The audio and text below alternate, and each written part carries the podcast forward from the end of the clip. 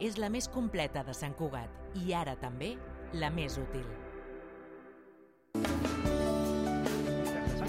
Ràdio Sant Cugat. Que posi solució a la manca de personal que els centres arrosseguen des de fa 5 cursos. El col·lectiu lamenta la poca celeritat del consistori a l'hora de contractar substitutes que cobreixin les vacants de personal, un fet que obliga les mestres a assumir una càrrega de treball molt més elevada i amb una pressió considerable. Tot i això, asseguren que els infants estan ben atesos. Una petició a la qual se sumen famílies de les escoles Bressol, que també assenyalen l'Ajuntament com a responsable per garantir una educació de qualitat per als infants. Escoltem la Mariona i l'Alba, mares de l'escola Bressol, el Niu i el Tricicle. Ho vaig parlar ahir i em va dir això, que els hi faltava... O sigui, que ja en aquell moment tenia dos nens que estaven cagats i no es podien canviar. El que ens van donar és que ningú volia els terços de jornada. I tu penses que aquest era el meu problema? O sigui, les mestres tenen dret a una reducció de jornada i tu l'obligació de buscar qui la substitueixi. Punt final. Doncs llavors has de buscar una altra manera de cobrir aquestes places. La matinada del dimarts 17 d'octubre al dimecres 18 es tallarà la circulació dels túnels de Vallvidrera perquè els bombers de Barcelona hi faran un simulacre d'actuació en cas d'accident greu. L'afectació durarà entre la 1 de la matinada i les 5 del matí, tot i que el simulacre es farà entre les 2 i les 4 tot i que l'actuació principal serà dels bombers i intervindran tots els cossos d'emergència implicats habitualment en casos com aquests, és a dir, el SEM, el Servei d'Emergències, els Mossos d'Esquadra i la Guàrdia Urbana. La 23a edició del Festival Nacional de Poesia de Sant Cugat retrà homenatge a l'obra de Miquel Martí Pol, Josep Vallverdú, Francesc Vicent Garcia, més conegut com el rector de Vallfogona, i Albert Ràfols Casamada, a través de la visió d'autors contemporanis. La iniciativa, organitzada per l'Ajuntament, se celebrarà del 17 al 27 d'octubre. El certamen acollirà una vintena d'autors de totes les generacions amb un programa multidisciplinar que inclou recitals, concerts, funcions teatrals i projeccions cinematogràfiques. La... Podeu rebre més informació a la web cugat.cat. Inici de temporada pràcticament immillorable per als dos equips d'hoquei herba del júnior. Els dos conjunts, blau i negres, tornen a Sant Cugat amb 3 punts després dels seus desplaçaments al nord d'Espanya. Per una banda, el primer equip masculí del júnior ha golejat 1-5 l'Atlético San Sebastián i el femení va guanyar 0-1 al RS Tenis. Cugat Mèdia, la informació de referència a Sant Cugat.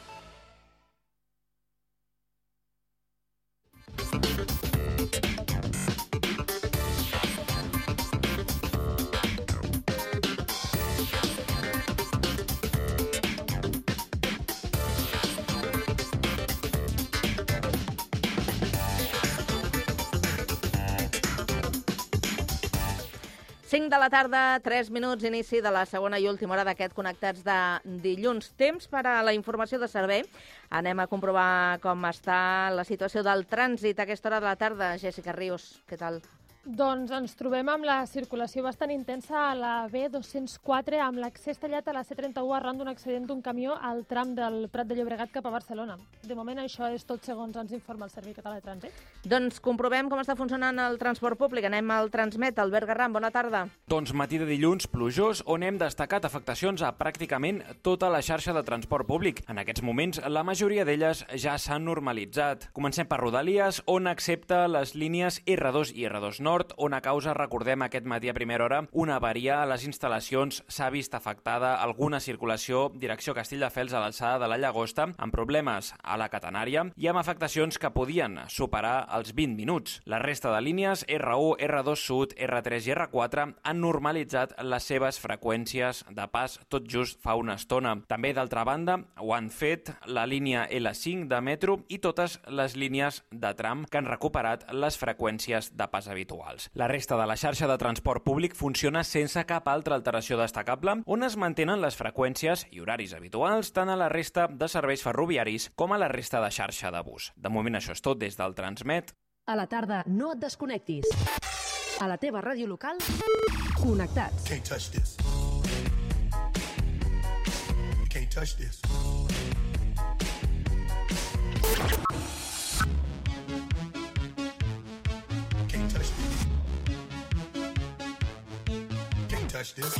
Connectats amb Carme Rebell.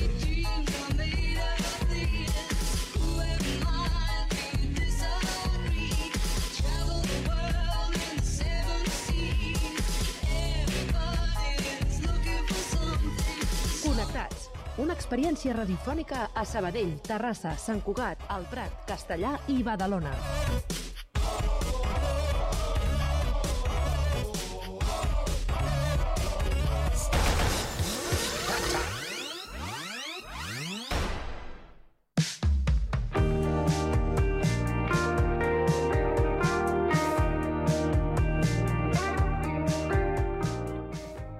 Aquest podcast és una producció de Ràdio Sant Cugat.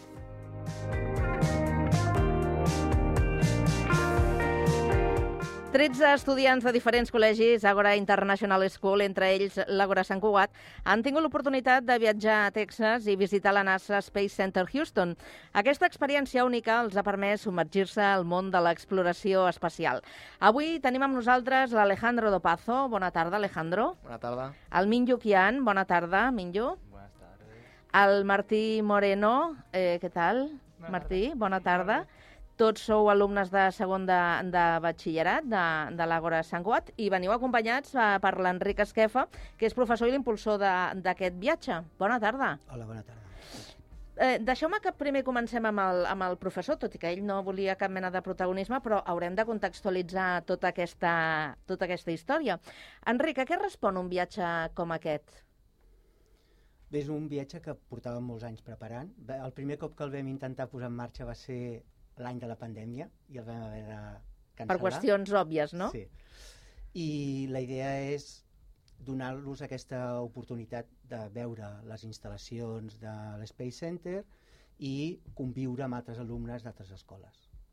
Per tant, aquesta ha sigut la primera experiència. Sí, I hi ha la intenció de, de repetir, o que alumnes de, de l'Àgora, dels diferents centres d'Àgora, puguin tornar a experimentar i aquesta aventura. Sí, ho intentarem fer.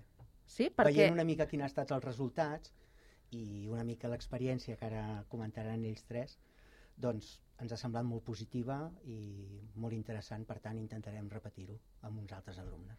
Algú es pot estar preguntant, a veure, com és possible que un grup d'alumnes se'n vagin a, al centre de, de la NASA a, a fer, doncs, eh, allò, uns, uns experiments, unes proves, a conviure, a, a, a veure què és el que es fa allà dins. Això no sé si és habitual que hi hagi alumnes, eh, estudiants que, que puguin fer visites escolars a, a aquest centre, ja està previst així? Sí, eh, en l'Space Center eh, hi ha activitats per grups d'alumnes i que passa que per nosaltres ha sigut el primer cop, però habitualment ja ho tenen molt organitzat per grups i tot, vull dir que sí.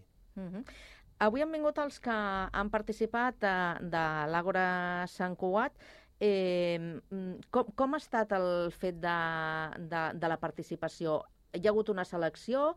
S'hi han apuntat els que, els que han volgut? Perquè, de fet, són, són, són pocs. sí. Com ha anat la, la tria o el procés? Clar, aquest any ha sigut potser més difícil que, que s'apuntessin perquè no ho havien fet cap altres alumnes abans, no? Però, clar, s'han apuntat els que han tingut més interès i els ha semblat la idea com més atractiva. Uh -huh. L'objectiu de l'experiència quin era, exactament? Uh, descobrir una mica el món de la ciència aplicada i tots els àmbits, no? Veure com funciona una,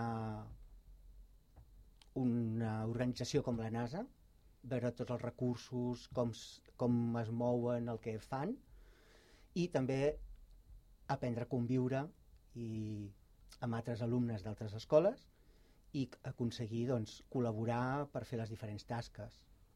Uh -huh. I un cop eh, sabeu que l'Alejandro, el Minyo, el Martí són alumnes que faran aquest viatge, que participaran d'aquesta eh, aventura, eh, com l'heu preparat, aquesta, aquesta visita? Heu fet alguna cosa especial o...? La veritat és que totes les activitats que organitzen allà, allà a l'Space Center està molt planificat i molt, molt dirigit no? a, a grups d'alumnes d'aquestes edats i està tot, tot gira al voltant no? d'una futura missió a Mart des de construcció de coets, bueno, això ja ho explicaran ells, no? però Uh -huh. és tot, eh, per una banda, visites a les instal·lacions i a les exposicions que hi ha allà, i després activitats entre, entre les quals bueno, hi ha construcció de coets i dissenys i tota una sèrie d'activitats que van dirigides a això, doncs, a col·laborar i una mica també a competir entre ells, entre els diferents grups, per veure qui li sortia una mica millor. Però no s'ha fet una, una feina prèvia No. abans de marxar. No. Clar, la feina prèvia és la part científica que ells ja coneixien de- d'haver-ho treballat altres anys. Uh -huh.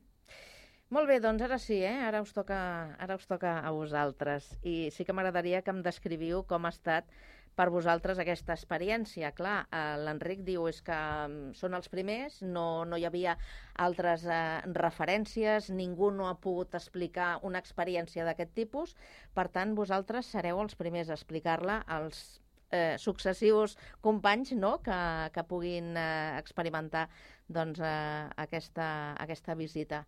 Eh, Alejandro, eh, explica'm una mica com, com has vist tu aquesta visita, com l'has viscut?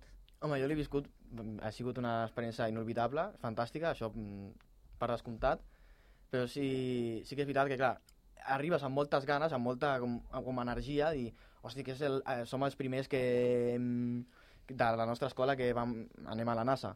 Però després ja, al tercer o al, o al quart dia ja t'acostumes, és com aquest, aquest període com, que li passa a tot el món. I arribes primer a un lloc que és nou, no sé què, i ja és com, oh, fan- fantàstic, boníssim, eh, i després ja el cinquè dia, el quart dia, sí que és veritat quan, que quan ens vam anar el cinquè dia, el divendres, que era l'últim dia, era com, fa pena, perquè volíem quedar-nos allà, ja sigui eh, fent el que sigui, en què, en què fos treballant de guia turístic, en què, perquè ens, als, als tres, inclús als quatre, ens agrada moltíssim, ens van enganxar aquest món de la, de la ciència aeroespacial, i sí que és veritat que això inolvidable i fantàstic i, i perfecte. Minyu, ¿y tú qué tal? Pues en verdad a mí me ha gustado mucho la experiencia porque es como una experiencia muy única y especial que gracias a ahora he tenido esta oportunidad eh, valiosa y preciosa. Eh, y en verdad he disfrutado mucho eh, las actividades y las visitas también en el parque de, de Space Center y nos ha enseñado cosas muy guays como eh, muestras de la luna y hemos tenido la oportunidad de tocar eh, una muestra también y la verdad es que a mí me ha encantado esta experiencia, sí, sí. I al Martí també li ha encantat? Sí, a mi també m'ha agradat. Acosta't una mica més al micro. Sí, a mi també m'ha agradat molt, no sé. Sempre que descric l'experiència eh, ha sigut com si fos un Masterchef però per enginyers, o sigui, totes les activitats estaven relacionades amb la construcció de naus o amb l'espai i si estàs interessat en aquestes assignatures pues, és, és molt interessant fer-les i per a mi ha sigut una molt bona experiència. Abans apuntava una mica així per sobre, eh? perquè us deixava uh, l'espai a vosaltres, l'Enric, aquestes activitats que heu pogut fer allà. Expliqueu-nos una mica què, què és el que heu hagut de, de fer, perquè a més ho compartiu amb altres uh, estudiants també, d'altres centres d'Àgora i de- d'altres uh, centres educatius, no? No? Només amb altres alumnes de- d'escoles de Àgora. Uh -huh. Vinga, expliqueu-me quines activitats heu fet allà. Doncs mira, l'horari estava molt ben planificat, és a dir, nosaltres ja sabíem el que anàvem a fer, Mm? però clar, eh, ja, el, els idus són una mica, clar, en anglès i potser co- costa molt d'interpretar-ho. Doncs, per exemple, el primer, el primer dia vam fer com, eh, com si fos una, un, la construcció d'un model com si fos un coet, a escala, lògicament, no a fer la realitat, és clar, i també va fer com si fos unes plaques, mm, com així eh, quadrades, que, teòric, que teòricament haurien d'aguantar tant calor com fred. És a dir, una placa pel, pel calor i una altra pel fred. Llavors, el, el següent dia vam posar a prova aquest eh, coet, que en el nostre cas doncs, mira, va sortir una mica malament, per què no, per què no dir-ho. Hauria de fer mm, tres coses i només en va fer una, que es, fa ser el, el primer llançament, i després hauria de, de fer un segon llançament, que tenia dues fases, i després obrir-se com si fos un, un paracaigudes, perquè, ah, te, perquè mm, arribi a la Terra, com, bueno, a la Terra de Mart, eh, com de, amb seguretat. I després en aquest segon dia també va fer la, com si fos una l'allotjament a, a Mart eh, i ells t'anaven dient doncs has de tenir en compte els, els rajos còsmics, has de tenir en compte la radiació, has de tenir en compte com agafaràs eh, el menjar, l'aigua i tot això. I bé, ara li poso la paraula al Martí o al Millo. Qui... Vam fer un model de mar amb una maqueta i per avaluar aquest model pues, hi havia una sèrie de criteris com la radiació, la producció d'energia, eh, el menjar, com es podia produir a Mars, i per això tenies que buscar informació i llavors tenies un temps per fer aquest model i quan s'acabava el temps tu tenies que eh, presentar la teva idea i el teu model i després ells t'ho avaluaven. Mm. Y el tercer día eh, hicimos un poco más de robótica y programación y que hicimos un eh, mini robot que se puede colectar eh, minerales eh, en planetas como Mars y, y, la Luna y también identificamos eh, algunos minerales eh, y lo hemos aprendido mucho cómo se llaman los minerales y sus colores también. Y bueno el último día eh, también ha sido un día muy interesante. Fuimos de, de scuba diving eh, que, es, eh, que es como experienciar una situación con menos gravedad. Y entonces eh, hemos hecho algunas mini misiones eh, debajo del agua como eh, eh, buscar minerales y mirar algunas muestras. Amb què us quedeu de, de tot el que heu experimentat, heu après? Amb què us quedeu de, de tota aquesta Home, experiència? Jo em quedo amb la, amb la capacitat que, que hem tingut els tres de treballar en equip, perquè era com, entre cometes, eh? una competició entre col·les agora, perquè no era tan així, perquè hi havia un grup que era com era un, un mix de, de Castelló, de Mallorca i, que, i hi havia un alumne també de Granada, si no, si no m'equivoco. Nosaltres érem tres, doncs érem un grup de tres de l'Àgora Sant Cugat. Hi havia eh, un altre grup que eren de, de Castelló, un altre grup de Mallorca. O sigui, més o menys els grups estaven més o menys per a escoles. No era una competició de a veure quina escola és la millor, no. O sigui, una competició entre nosaltres i clar, com ells ja, el, tant l'Enric com l'altre professor de Mallorca que va venir amb nosaltres, que ja sabien que vale, aquests tres els posem junts perquè mm, so, ja, han tinc, ja venen junts, són de la mateixa escola. I jo, per exemple, em quedo amb això, amb, la, amb el treball en equip que hem fet i el grup que hem fet. O sigui, si, ja, si ja nosaltres ja, érem, ja teníem una amistat, allà ens hem fet amics. Eh, amb què et quedes tu, Martí? Sí, jo també em quedo una mica amb el que deia l'Alejandro, que allà és tot una competició, o sigui, qualsevol prova, qualsevol cosa que fan és una competició i això també crec que genera com un incentiu per intentar-ho fer-ho el millor possible i amb això me quedo de intentar fer-ho tot el millor que puguis sense importar el que és, que és una mica la filosofia que segueixen allà. La superació. Sí. Mm -hmm. Minyo. Eh, bueno, eh, lo que me ha gustado más eh, de este viaje ha sido eh, el último día que hicimos una charla con un astronauta y la verdad es que eh, nos ha dado una perspectiva muy especial como eh, y me acuerdo de que eh, le hemos preguntado de cómo es la Tierra, eh, cómo se ve la Tierra ahí en el espacio y nos ha dicho que se ven muchos desiertos y más desiertos amarillo que, que verdes, que son árboles. Y entonces me he dado cuenta de que eh, igual tenemos que hacer más eh, reciclar como estos para proteger el medio ambiente. T'ha fet reflexionar. Sí, sí, mucho, mucho, la verdad. Eh, dèiem abans que vosaltres sou alumnes de segon de batxillerat. Eh, no sé si algú de vosaltres eh, té pensat encaminar la seva carrera professional eh, cap a aquest àmbit, l'àmbit de, de, de l'espai, de la ciència, la tecnologia. Teniu clar on us veieu en un futur? Mm, jo, a veure, jo l'he dit moltes vegades que, i, i seguiré dient que m'agradaria fer alguna enginyeria, però clar, hi ha de tants tipus i de tantes modalitats i de, clar, d'enginyeria de l'àmbit aeroespacial tens de vehicles aeroespacials, enginyeria aeroespacial, doncs la, la que és de tota la vida, eh, de, vehicle, de vehicles aeroespacials, de, hi ha mm, tres o quatre tipus del que només abans era una, ara surten tres o quatre. Llavors, que a vegades el, al tenir tanta varietat doncs et fa una Encara mica... no ho tens clar. Que encara no, encara no ho tinc clar. Sí, sí, que tinc, sí que tinc clar que vull encaminar-me cap a l'enginyeria i a la ciència, però no, no sé cap a on posar el focus. Mm -hmm. I tu, Minjo? Y como ya estamos en segundo de bachillerato, eh, Ya, yo, por ejemplo, ya estoy aplicando para algunas universidades y a mí me gustaría hacer más sobre eh, business y International Business Management. No, no tiene mucho que ver con este viaje, pero la verdad es que creo que eh, está muy bien experienciar cosas y eh, ver cosas que son muy especiales para mi vida. Sí. El Martí, no sé si li agradarà doncs, tornar a la, a la NASA per quedar-s'hi allà. T'ho dic perquè t'has portat de record aquesta samarreta que portes avui, eh? Sí, bueno.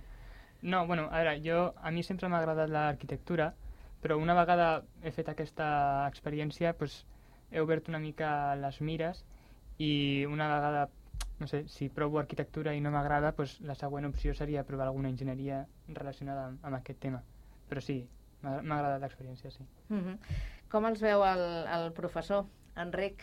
Els veus en aquest eh, futur que ells han, eh, han, han, han acabat descrivint o...? El primer dia, la presentació que ens van fer de tot el que es feia a la NASA, vam projectar una llista de totes les professions que tenen a veure amb les activitats que es fan allà, no? Clar, tothom s'imagina, no? Arquitectes, també, no? o enginyers, eh, mecànics, però que llavors surten moltíssimes coses, no? com gent de tèxtil, gent de, que fan eh, dietes, eh, preparadors físics, entrenadors eh, de busseig. Clar, hi ha tantes professions que estan relacionades amb tot el que es fa allà, coses que ni tu penses, que arriba un moment que faci el que faci, puc acabar fent alguna cosa relacionada amb el món de l'espai. Doncs eh, res, si voleu, eh, parlem d'aquí uns anys, a veure on, on nos podem eh, trobar. Si Mhm. trobem el Martí a la NASA, si trobem a, a l'Alejandro amb una enginyeria ja una mica més eh, definida i l'empresari a veure per on, per on el localitzem. Moltíssimes gràcies per venir a compartir la vostra experiència avui amb nosaltres. Que vagi molt bé. Bona tarda. Gràcies. Bona Gràcies, bona tarda.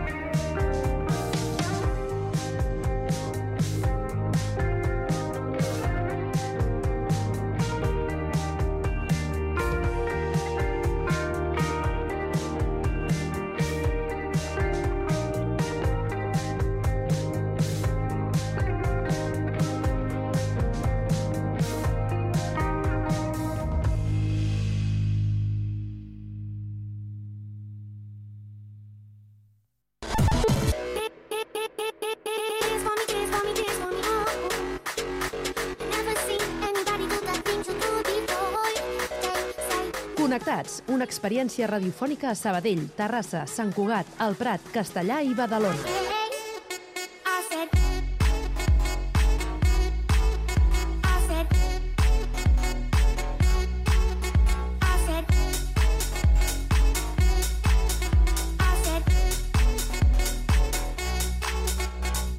Connectats amb Carme Reverte.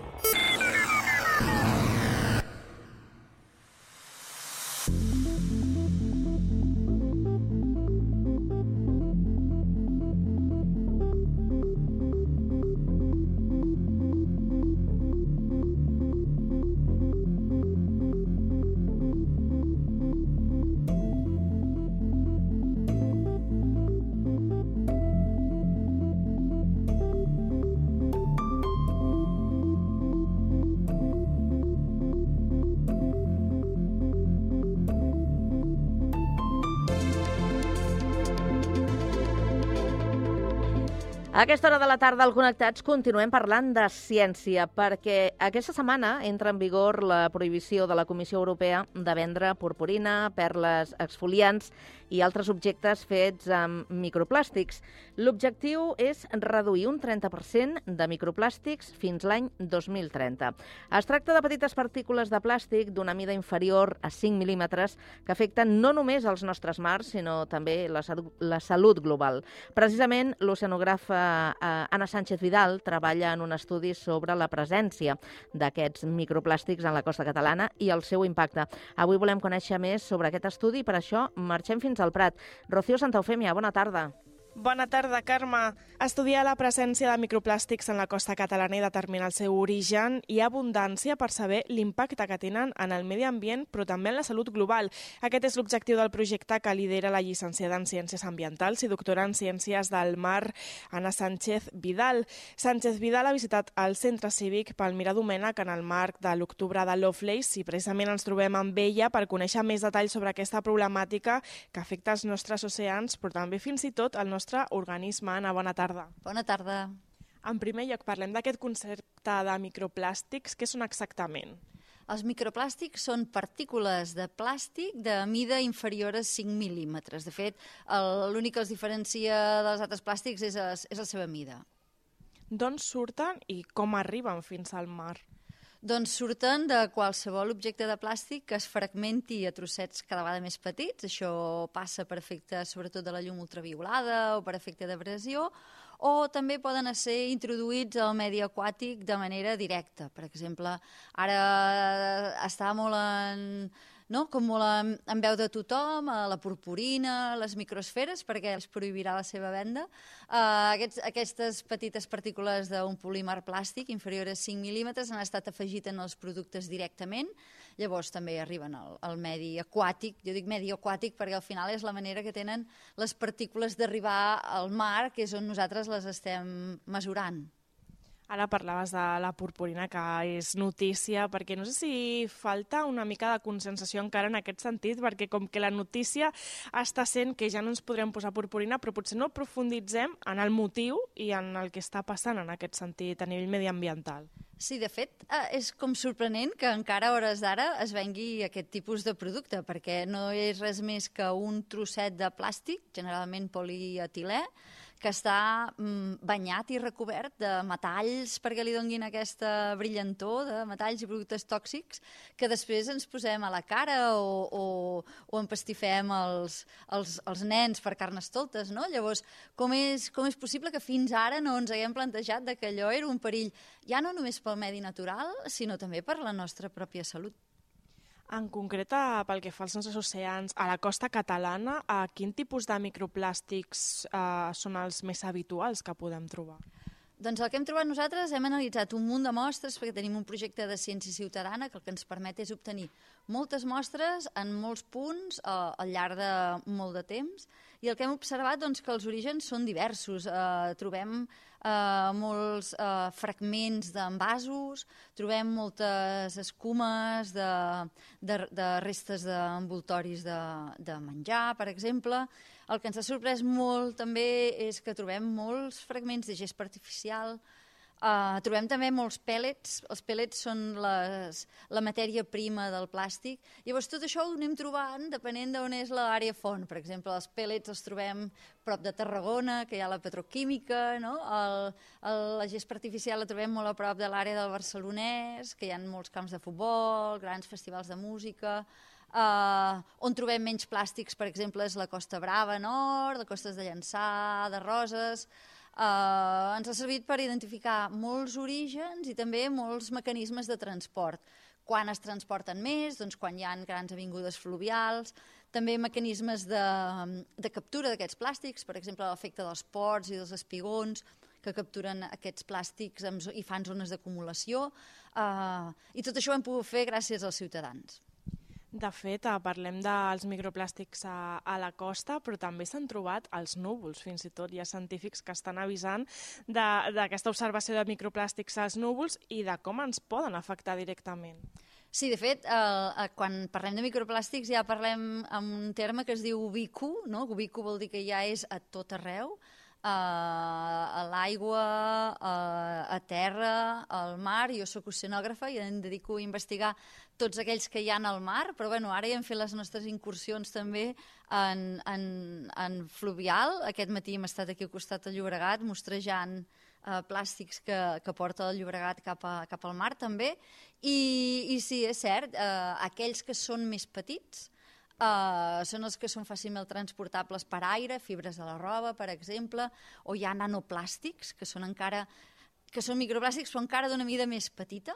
Uh, aquests sí que són els que seran fàcilment, per exemple, inhalats o ingerits, o fins i tot poden traspassar-nos per l'epidermis.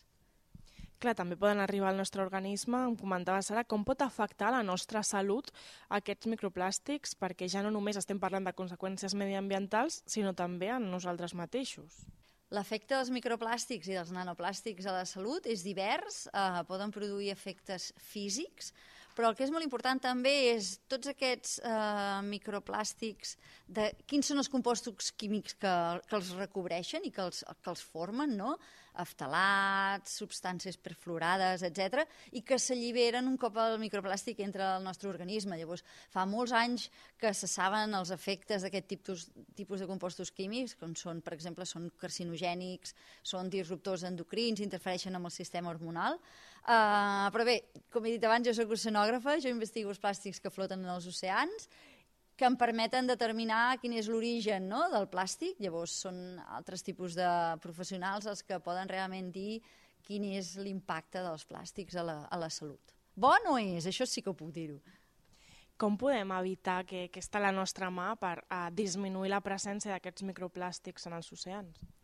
Jo penso que el més important, sobretot, és que ens en donem compte de, de què és un, què so, quins són els objectes de plàstics que estem utilitzant al dia a dia i, i quins són els objectes que poden generar microplàstics. Uh, que dèiem abans, no? la purpurina, com no ens hem, adonat, ens n'hem adonat fins ara que allò era un problema? Les microsferes de productes cosmètics són uh, partícules de polietilè que han estat utilitzats durant dècades per fer productes exfoliants. Com és que no els hem prohibit fins ara, el 2023, quan ja sabem fa 20 anys que això estava, que s'estava posant allà? Uh, la gespa artificial, com segueix sortint a les notícies com una bona notícia la instal·lació d'aquest tipus de superfícies en camps esportius o fins i tot en patis d'escola. Uh, no ens n'hem adonat que tot això és plàstic i que genera fragments, uh, etc. Les ampolles d'aigua, per exemple, um, que és d'un sol ús. El plàstic d'un sol ús és molt perillós per això, perquè uh, només el fem servir una vegada, per tant en generem una gran quantitat. Per tant, jo el que recomano és obrim els ulls i, i siguem, prenem consciència no? de tot aquest plàstic que ens envolta i un cop ja el tenim identificat, després ja podem anar un a un i anar-lo anar reduint o evitant el seu, el seu ús. De fet, xerrades com la que fas tu aquí al Prat ajuden a aquesta divulgació, aquesta, a agafar consciència de molts temes que de vegades no hi pensem i també precisament a banda de dins de l'Aula Salut aquesta xerrada forma part de l'octubre de Lovelace, que tot aquest mes a la Palmira es fan diferents activitats per donar visibilitat a aquestes dones científiques. Tu en el teu cas ets oceanògrafa com valores no? propostes com aquestes per no, no només donar a conèixer la feina, sinó també eh, fer que moltes nenes no, que potser mai s'havien imaginat ser científiques tinguin referents, que és una cosa també tan important. És molt important la visibilitat, no? que, tinguin, que tinguin referents, que, que, que sàpiguen no? que, que sent dones poden arribar al màxim de llum que es, que es, que es proposin, no? I, i sobretot eh, aquestes xerrades són molt importants això, perquè la gent prengui consciència, en cap moment es pretén, eh, jo penso, eh, eh, responsabilitzar la societat d'aquesta problemàtica, perquè sempre, insisteixo, és una responsabilitat compartida entre la societat, entre l'administració, eh, entre els polítics, entre les empreses, però si nosaltres podem incidir no, com a societat una mica en, en disminuir aquest problema, doncs, doncs serà, serà fantàstic, no? Tu estàs participant en aquest estudi. Uh, com podem seguir-te per seguir de prop també tot el que esteu fent, aquestes investigacions, aquests estudis? Ens comentaves, avui mateix heu estat al, al Llobregat. Com podem seguir-te de ben prop? Doncs mira, uh, tenim ara mateix una quinzena de xarxes agafant mostres cada 15 dies uh, País Basc, Catalunya i ara també Balears i les mostres les processem amb l'ajuda de moltes entitats, les processem al laboratori i els resultats immediats, que és una imatge dels plàstics que extraiem de cada mostra, que ja si la mires detingudament, ho veurem avui a la xerrada, ens dona molt de, in, molt d'informació d'on provenen els plàstics. Ho anem penjant al nostre compte d'Instagram, que és Surfing for Science Lab, um, acabat amb B alta, um, i allà es veu d'on hem obtingut la mostra i, i com és la mostra. Llavors, amb això ja ens podem fer una mica una idea de, de quan n'hi ha i de quin és el seu origen. Doncs estarem pendents, Anna, gràcies per atendre'ns. Moltes gràcies a vosaltres. Ideas are nightmares to white parents whose worst fear is a child with dyed hair and who likes earrings. Like whatever they say has no bearing. It's so scary in a house that allows no swearing to see him walking around with his headphones blaring. Alone in his own zone, cold and he don't care. He's a problem child. And what bothers him all comes out when he talks about his fucking dad walking out. Cause he hates him so bad that he blocks him out. If he ever saw him again, he'd probably knock him out. His thoughts are whacked. So he's talking back. Talking black. Brainwashed from rock and rap. He sags his pants, blue rags, and a stocking cap. His stepfather hit him, so he socked him back and broke his nose. His house is a broken home. There's no control. He just lets his emotions go.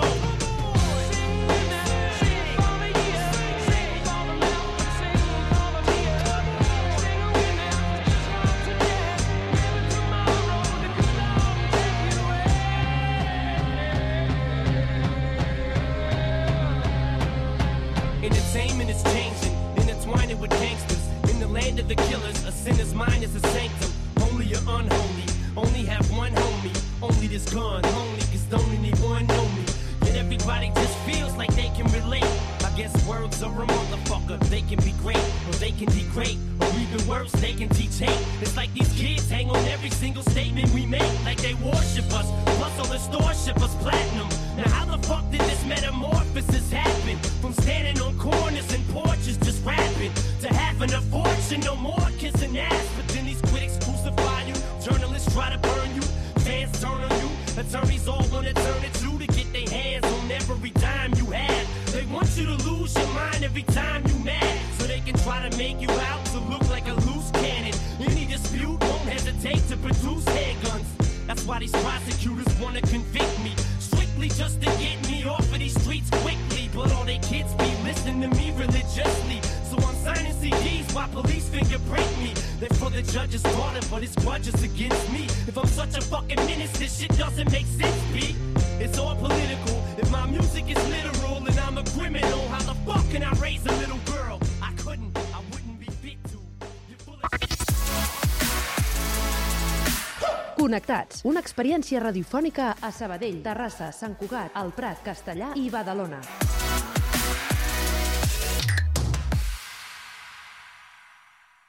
Hola, connectats, què tal? Soc la Joana. M'encantaria recomanar aquesta cançó que es diu Natural Woman de l'Aretha Franklin.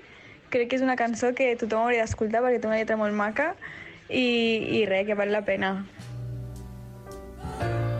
I used to feel so uninspired.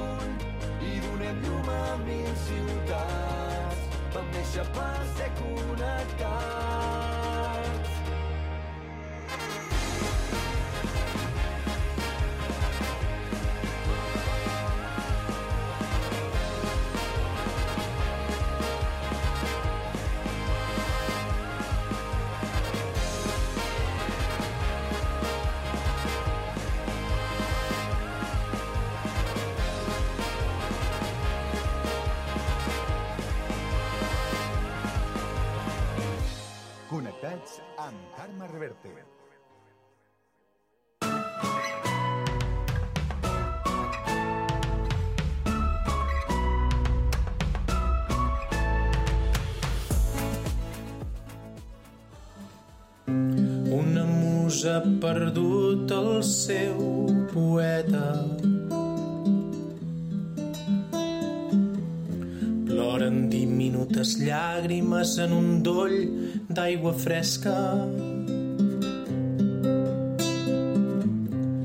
A les roques de la cala gravat el rictus trapella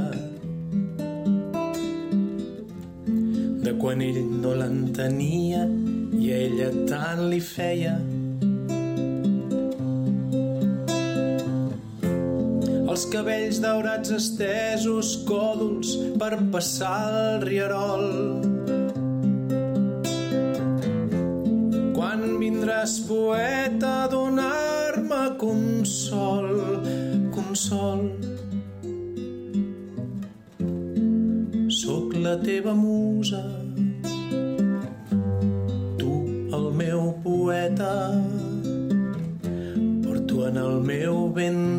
nostre petit poema. Sóc la teva musa, tu el meu poeta. Porto en el meu ventre el nostre petit poema. El nostre petit poema.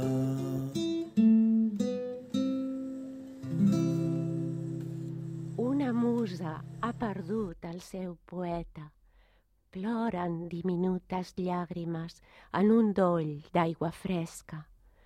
En les roques de la cala, gravat el rictus trapella de quan ell no l'entenia i a ella tant li feia.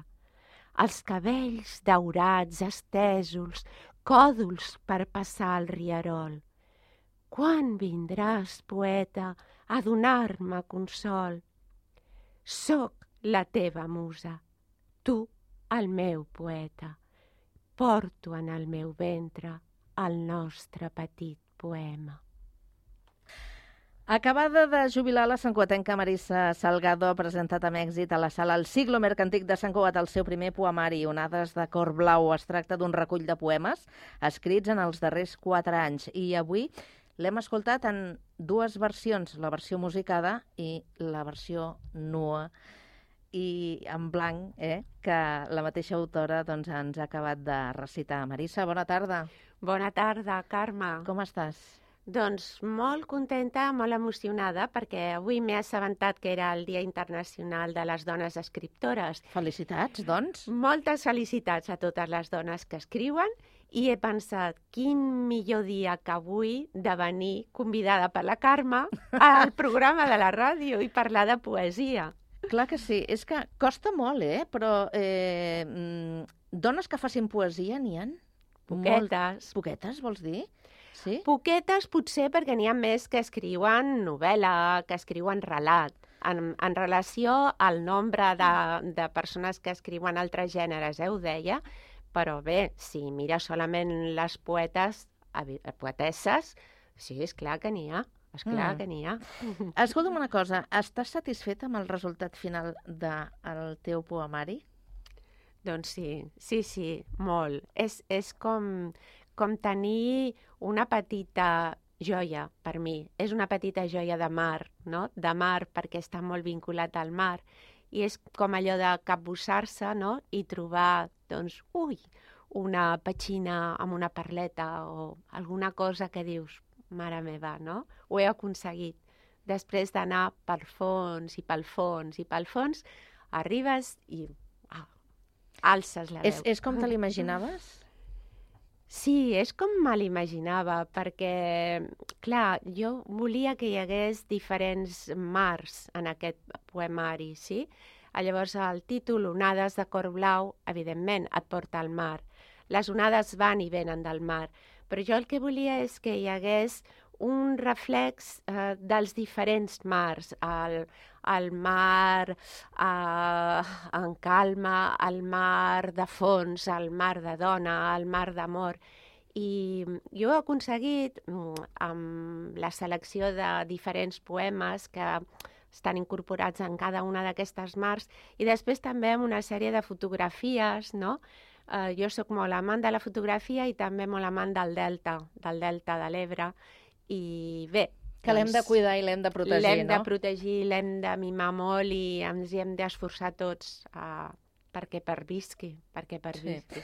Eh, ara que parlaves dels diferents mars, eh, ens porta a parlar de l'estructura sí. d'aquest poemari que efectivament està doncs, eh, eh, diferenciat en aquests diferents, eh, diferents mars. No? Què, què, què, què hi trobem? Quins són els temes que abordes en cadascun de sí. d'aquests, no sé si capítols, episodis o, o, o, o parts del poemari? Parts, parts, parts del poemari. Són, són les grans parts del poemari, són els que donen l'estructura al poemari, sí? I llavors, eh, per exemple, la primera part és Mar d'amor. Doncs allà hi vaig abocar tots els poemes doncs, de passió, de tendresa, d'amor i desamor, eh, també, per què no dir-ho, no?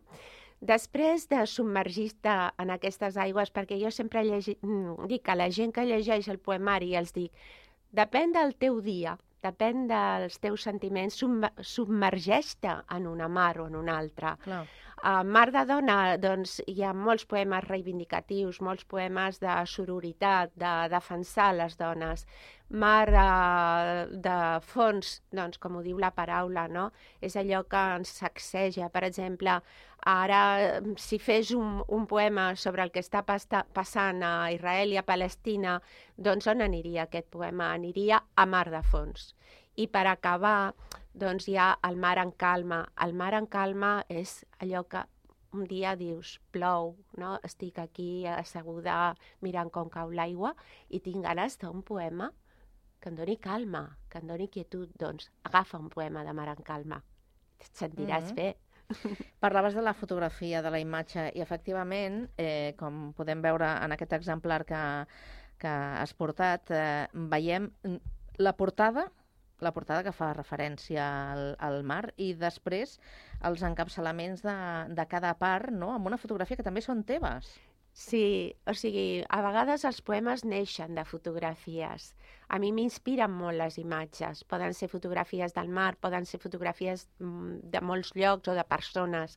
I vaig voler doncs, que uh, la portada fos d'un lloc molt emblemàtic, és la, la platja del Trabucador, no sé si coneixeu la platja Sí. del Trabucador, Mhm. és un lloc on hi va la gent a veure les postes de sol, però justament era un dia que no feia sol, que era el capvespre, llavors és la tonalitat molt blavosa, no? Blavosa, plata, com, com un capvespre sense sol. I què et anava a dir? Mm, tu com definiries la teva, la teva poesia? Molt bé, doncs jo utilitzaria primer de tot una paraula que és intimista. Diria que és una poesia per llegir doncs, tu sola, mm, amb un estat d'ànim que pot ser molt variat, però que provoca mm, molts sentiments, sí? Que, que surt de l'interior, surt de l'interior i connecta amb el teu interior alhora. Després la definiria com una poesia senzilla, és a dir, jo no volia escriure una poesia rebuscada, amb paraules difícils, tot i que a vegades algú em diu Marisa, no sé què vol dir aquesta paraula. Bé, no passa res, per una o dues que surtin, però volia que fos molt, molt oberta a tothom, sí? que, que tot el públic la pogués llegir. Fins i tot sé que l'han llegit noies joves de, de 17-18 anys i hi han pogut connectar. És una poesia molt de sentiment, molt de sentiment. També la definiria com una poesia zen, espiritual, sí? Uh, però tot i així a vegades és guerrera, perquè la de Mar de Dona doncs és una poesia que neix a vegades de la indignació, no? de la provocació, de, per exemple, del maltractament de les dones, no? I bé, eh, per tant, defini la definiria així, però que té altres lectures i segurament llegint el poema, eh, el poema no, el poemari, perdó, doncs hi haurien altres qualificatius. Segur. Ara que parlem de, de lectures, eh, hi ha hagut gent que ja t'ha dit que l'ha llegit i t'ha donat la seva opinió, que és el que els ha suggerit, que és el que els, els ha provocat. Sí, sí que és cert. Mira, començava per dir-te que aquesta noieta de 18 anys que, que va llegir eh, el poemari em va dir que, que s'havia quedat sobtada perquè pensava que ella no, la poesia potser no li arribaria gaire, no? Perquè, bé, la, per, la, per llegir poesia s'ha de tenir un estat d'ànim una mica més tranquil i has d'entrar-hi com més profundament que no pas en una novel·la o un altre tipus de lectura. Llavors ella em va, em va dir això, no? que havia aconseguit connectar amb el món dels sentiments. Uh, a l'altra banda, persones, doncs, uh, persones més grans, no? persones que han llegit molt a la seva vida, que tenen un pòsit, no? que potser ja uh, és més difícil que s'emocionin, no? perquè dius, bé, hem llegit de tot, no? Clar. Doncs també, també m'han dit que, que bé, que s'hi han trobat, que, que han respirat tendresa, que han respirat passió, eh? i han estat també en sintonia. O sigui que t'arriba feedback. M'arriba feedback, T'arriba sí, feedback. sí. I el dia de la presentació, mm, o sigui, vas fer ple, ple absolut a la sala Sí. del siglo. Ah, sí. Vas estar molt ben acompanyada. Eren més de 100 persones. I escolta'm una cosa, això de musicar els teus poemes, eh, Mhm. qui, qui, qui t'ha donat aquest cop de mà? Qui t'ho ha fet? Com, com, sí, com ha anat això? Uh, mira, jo um, estic molt ficada en el món de la música, és a dir, canto en una coral, sí? i després també ballo, um, faig teatre, i la música m'entra per, totes les, per tots els poros de la pell, diguéssim. Llavors, és clar, vaig, vaig connectar, vaig contactar, perdó, connectar també, eh? Connectar i contactar, les Home, dues estàs en el coses. programa que millor s'escau això. Sí, connectar i contactar amb, amb persones entranyables, amb persones molt estimades. La primera va ser la meva professora de cant, és clar. Em va dir, eh, Marisa, que fas poemes? Sí, passa'm en algun, perquè uh, bé, a veure, a veure com hi entro, no? A veure si Mm. m'agraden. I es veu que em va llegir alguns i es va emocionar força i em va dir, doncs sí, te'n musico un. Després va venir un altre company de teatre que és cantautor eh, i també em va dir el mateix, "Mm, tu envia'm un poema i si m'agrada, te'l musico. Te'l I va musicar. vaig enviar un poema i va ser encert a, a la Diana. I després també eh, el director de la coral o, on cantem amb les companyes de cor de dama, doncs va ser un regal que em va fer, va ser un regal. Em va dir, mira, m'ha arribat molt aquest poema i he agafat la guitarra i te l'he musicat. Uh, fins i tot jo mateixa un bon dia a la platja nedant uh, em va sortir musicat un dels poemes del llibre que es diu Són moltes sirenes perquè ho sentia així, saps? Inspirar. cantant. total, total. Eh, M'imagino que continues escrivint, aquest és el primer poemari, com, Sí. com dèiem al principi. Eh, ara tens més temps, no? Dèiem també Sí. que acaba de, de, de jubilar. Sí. Has estat eh, professora del Servei Local de, de Català. Sí. I no sé si t'has plantejat eh, explorar altres eh, gèneres. Sí, a veure, mm, és que de sempre m'ha agradat molt escriure. De fet, vaig fer Ciències de la Informació, co- co- que ho comentàvem abans, no, Carme? Sí. I I ja m'agradava molt escriure, m'agradava molt escriure. Llavors, sí, m'agrada el gènere de relats curts, fins i tot havia pensat de fer una novel·la, però tenia allò una mica l'escaleta, però és, a veure, costa molt més. M'imagino que ja estàs treballant en alguna cosa.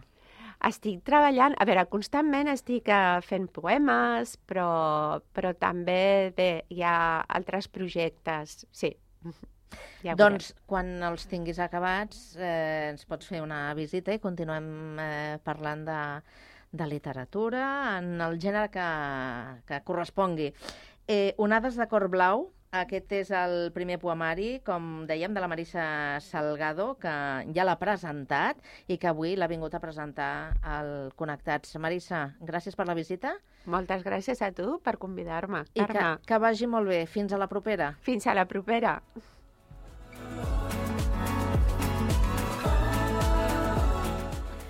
Bé, doncs aquí acabem aquest Connectats de dilluns. Ja sabeu que demà tornem. Som fidels a la nostra cita amb vosaltres a partir de les 4 i 3 minuts, edició de dimarts d'aquest programa. Adéu-siau, bona tarda.